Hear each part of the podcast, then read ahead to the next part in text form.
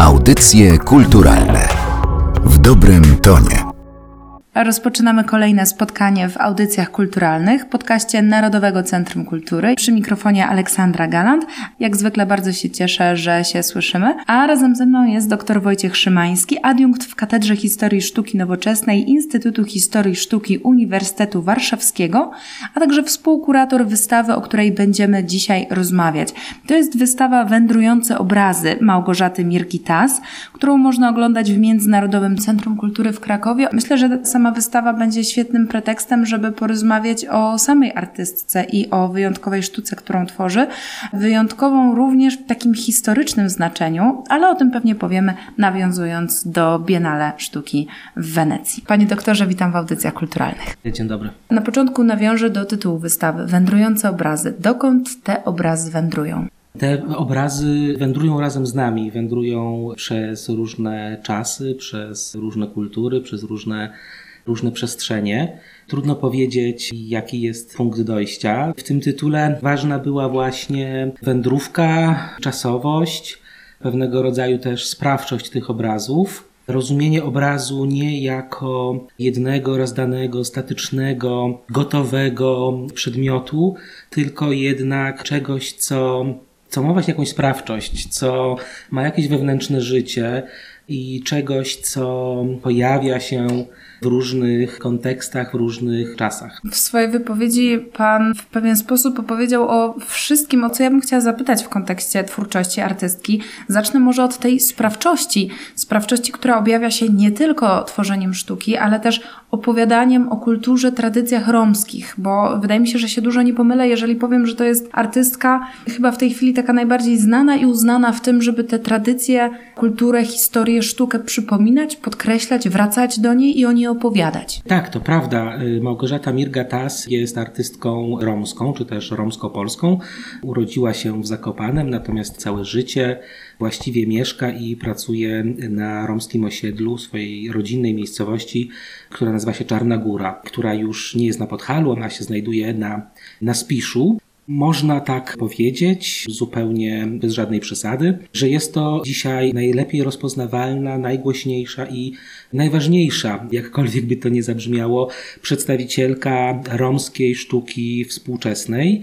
Zjawiska, które narodziło się relatywnie bardzo niedawno, co wiązało się z tym, że przez długie lata, kiedy sztuka europejska rozwijała się powiedzmy swoim torem, Romowie i Romki wykluczone były z tego obiegu. To znaczy, z jednej strony tradycyjnie ich sztukę, kulturę, wytwórczość, rzemiosło umieszczano w kontekście sztuki ludowej.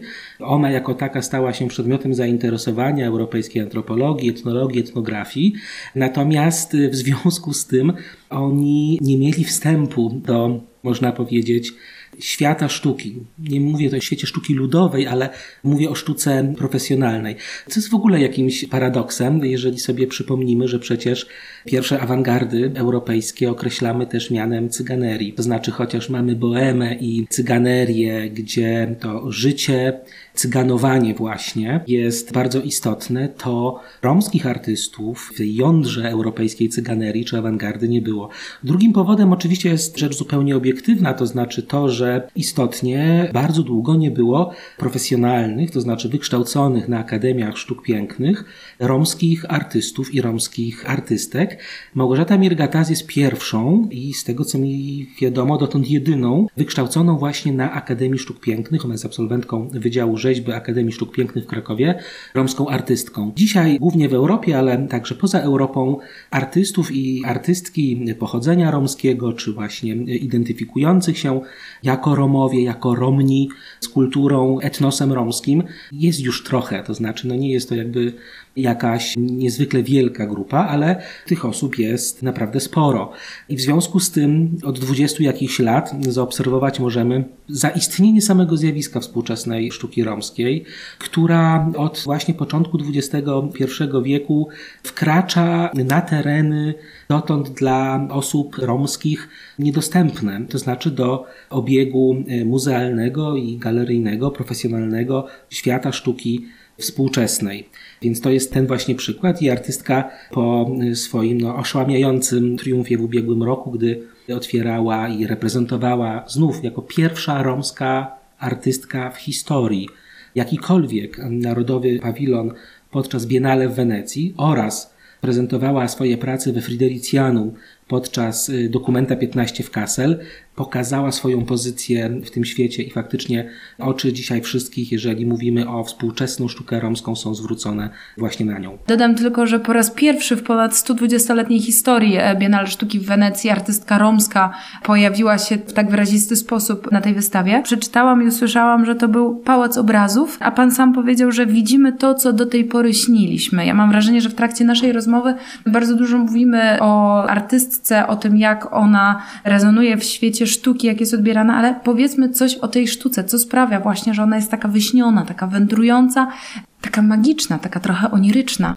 nie chciałbym używać słowa forma i jakoś oddzielać formy od treści tych prac, ale forma, która faktycznie jest y, z jednej strony przystępna i mam na myśli tutaj po prostu szeroką publiczność, nie tylko specjalistów czy profesjonalistów związanych z hermetycznym czasami, chyba można tak powiedzieć, światem i obiegiem sztuki współczesnej.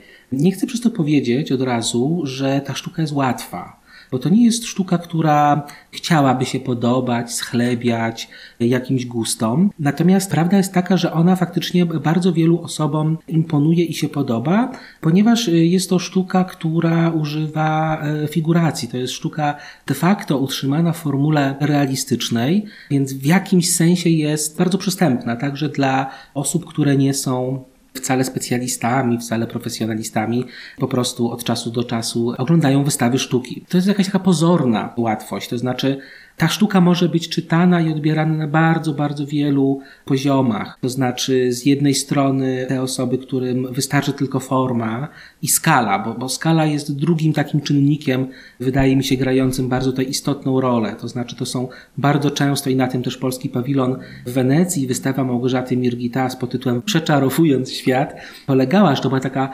totalna wielka instalacja z tkanin, w której się znajdowaliśmy w samym centrum. Była bardzo całościowa. Te dwie cechy, skala i pewnego rodzaju figuracja czy realizm, wydaje mi się, stoją za takim powszechnym sukcesem artystki. Tam jest bardzo wiele wątków, bardzo wiele motywów, bardzo wiele idei, które odkrywamy wraz z artystką, czy po prostu zagłębiając się w tę sztukę.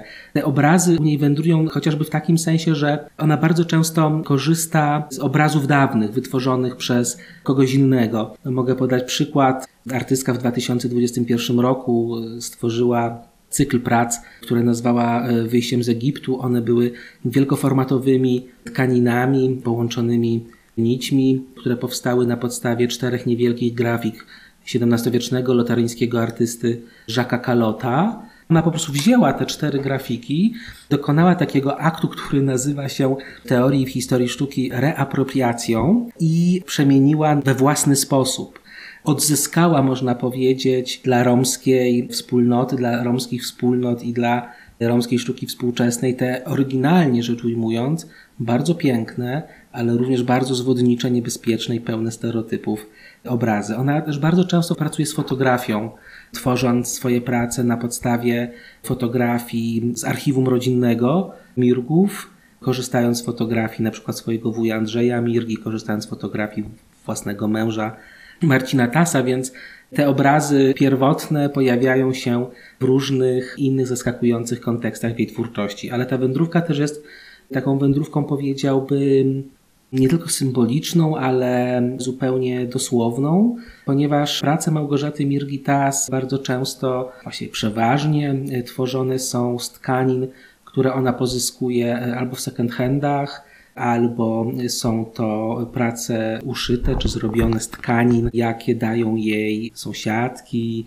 członkinie rodziny w Czarnej Górze, gdy portretuje osoby używa elementów garderoby, która należała do tych osób, ale też możemy o tym myśleć jako takiej wędrówce samego materiału, to znaczy, który gdzieś został wytworzony, najpewniej właśnie w okolicach Azji Południowo-Wschodniej, później przebył pół świata, żeby pojawić się jako, jako ubrania w butikach czy materiały w sklepach w Europie Zachodniej. Później znowu przebył kolejną drogę, kolejny etap po znoszeniu i oddaniu i pojawia się w Europie Środkowej czy Europie Wschodniej w second handach i, i, i ma kolejne życie, natomiast ona raz jeszcze wykorzystuje te tkaniny, prawda, i one mają życie po życiu, po życiu można powiedzieć.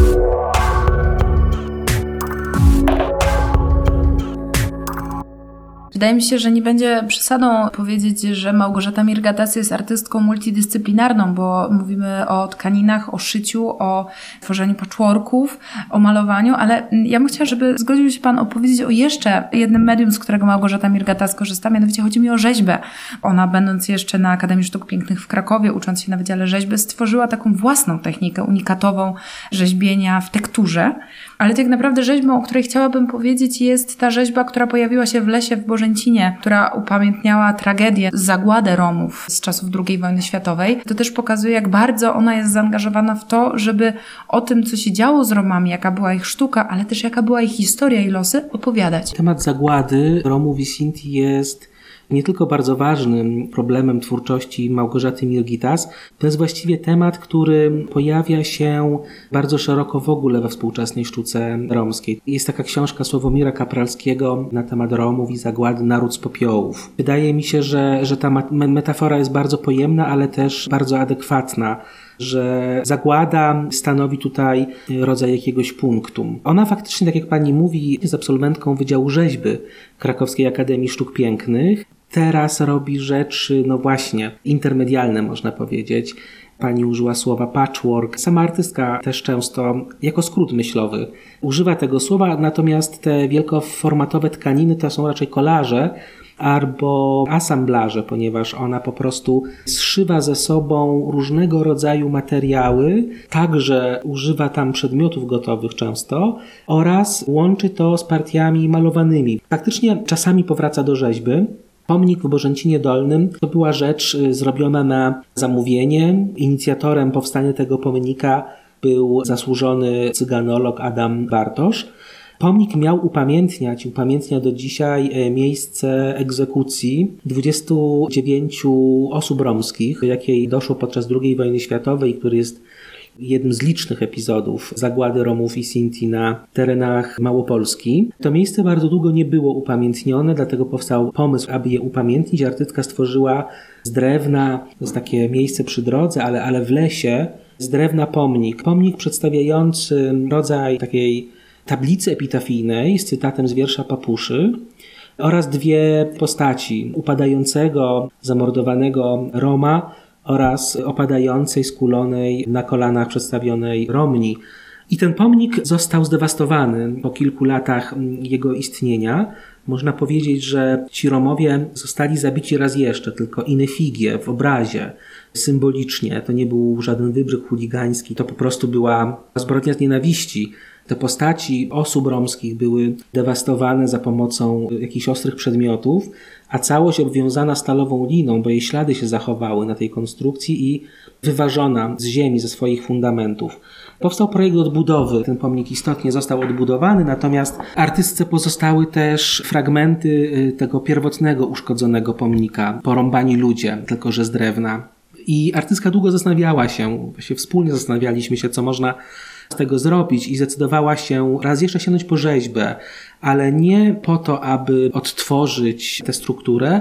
Zaczęła odlewać fragmenty, zachowane fragmenty ciała symbolicznego w wosku. Powstał zupełnie zjawiskowy cykl woskowych prac zatytułowany Ćwiczenia ceroplastyczne ten cykl był pokazywany w Centrum Rzeźby Polskiej w Orońsku pierwotnie. Między innymi za ten cykl artystka została nagrodzona paszportem polityki. Ten cykl był pokazywany także na Biennale w Berlinie oraz został zakupiony w całości przez Muzeum Sztuki w, w, Łodzi.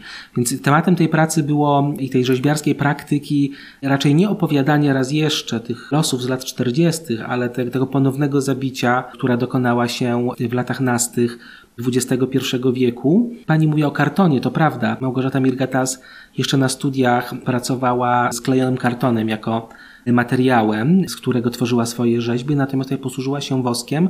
Woskiem, który z jednej strony jest bardzo istotny w rzeźbie europejskiej, to znaczy bardzo niewiele prac z powodu miękkości i prekarności tego materiału się zachowało.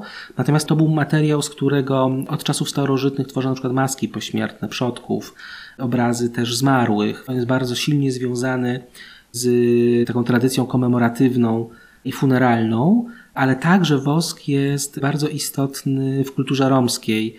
Kultura romska, co prawda, nie wytworzyła wielkoformatowych, monumentalnych czy pełnoplastycznych rzeźb, natomiast tradycyjna ceroplastyka romska posługuje się woskiem, z którego tworzy różnego rodzaju symboliczne amulety, które mają charakter apotropaiczny i i magiczny. Wróćmy do Krakowa, teraz wiedząc już trochę więcej na temat twórczości Małgorzaty Mirgitas. Co my na tej wystawie zobaczymy? Bo opowiedział Pan o bardzo wielu technikach, z których ona korzysta, o różnych tematach, które porusza.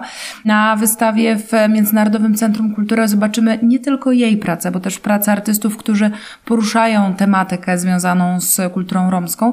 Natomiast jakie prace Małgorzaty Mirgitas zobaczymy w Krakowie do 5 marca? To jest największa wystawa Małgorzaty Mirgitas do tej pory na którą składa się kilkadziesiąt prac artystki. Szczególne miejsce na tej wystawie z pewnością zajmuje cykl Siukarmanusia, co w języku romskim oznacza pięknych, wspaniałych, godnych ludzi. To są wielkie, wyszywane portrety pierwszych romskich nowochucian i nowochucianek, które artystka stworzyła na podstawie fotografii, które dostała od rodzin tych osób. To jest taka instalacja w rodzaju site-specific, też zajmująca bardzo konkretną przestrzeń w Galerii Międzynarodowego Centrum Kultury, która została stworzona pod wymiar tej przestrzeni. Ją bardzo interesowała w tej pracy dwie rzeczy, to znaczy Nowa Huta oczywiście, Nowa Huta, która powstaje na przełomie lat 40. i 50.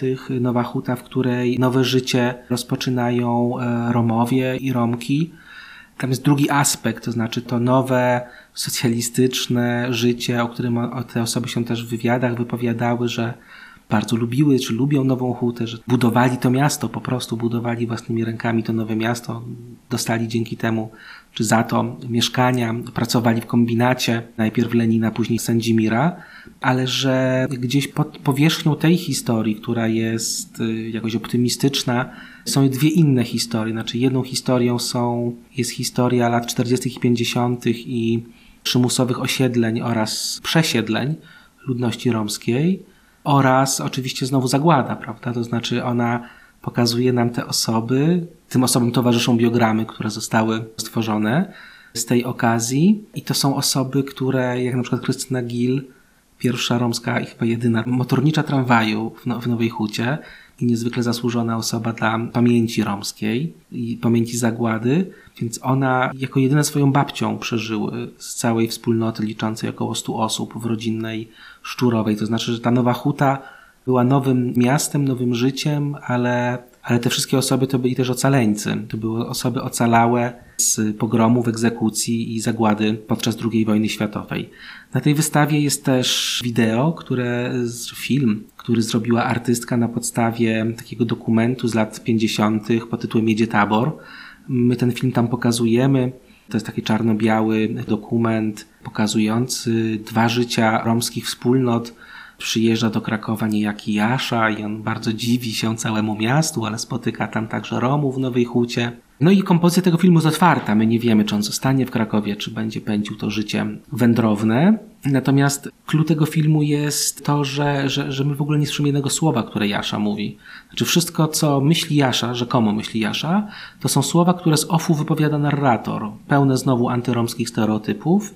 I artystka powtarza ten film, ona wciela się w Jaszę, chodzi po Krakowie, ale teraz słyszymy jej głos i ona w tych samych sekwencjach, powtarzając gesty ciała, kadry z oryginalnego filmu, opowiada nam świat po romsku, ale własnym głosem, żaden narrator nie robi tego za nią. Także są dwa takie przykłady, czego możemy spodziewać się na tej wystawie. Ci inni artyści, o których też pani wspominała, zostali właściwie w całości pomieszczeni w pierwszej sali tej wystawy. To jest taka sala, gdzie nie ma prac artystki, ale sala, która została pomyślana jako takie wizualne archiwum, w jaki sposób Europejczycy i nie Romowie przez stulecia od XV wieku bo w XV wieku powstają pierwsze wizerunki Romów. W sztuce europejskiej, wyobrażali sobie właśnie Romów i co z tymi wyobrażeniami zrobili. Więc w tej sali będą i grafiki Albrechta Dürera, będą i obrazy Teniersa, Cotsisa, i oryginały, i kopie z kopii na przykład Caravaggio. To jest taki rezerwuar, z którego z jednej strony, gdy mówimy o wędrujących obrazach, artystka czerpie jak na przykład z owych grafik Kalota, które już wspominałem, a, a z drugiej strony zupełnie je ignoruje i, i nie chce z nich korzystać przez to, że przedstawiały Romów w tak typowy i stereotypowy sposób, bo, bo to jest też nie, niezwykle istotne dla tej artystki. To jest jeden z ważnych problemów jej twórczości. To znaczy fakt, że właściwie od XV do XX wieku my nie mamy autoportretów romskich. Cała ikonografia to jest po prostu imaginarium, jakie nie Romowie stworzyli na temat Romów. Małgorzata Mirgatas z przedstawicielką tej społeczności i tej, tej grupy, która właściwie od niecałych 100 lat także wytwarza swoje autoportrety. I także ta sztuka jest autobiograficzna i jest pewnego rodzaju autoportretem. To jest bardzo, bardzo istotne. O wystawie Wędrujące Obrazy, którą do 5 marca można oglądać w Międzynarodowym Centrum Kultury w Krakowie, opowiadał jej współkurator dr Wojciech Szymański, adiunkt w Katedrze Historii Sztuki Nowoczesnej Instytutu Historii Sztuki Uniwersytetu Warszawskiego. Bardzo dziękuję za spotkanie. Bardzo dziękuję. Audycje kulturalne w dobrym tonie.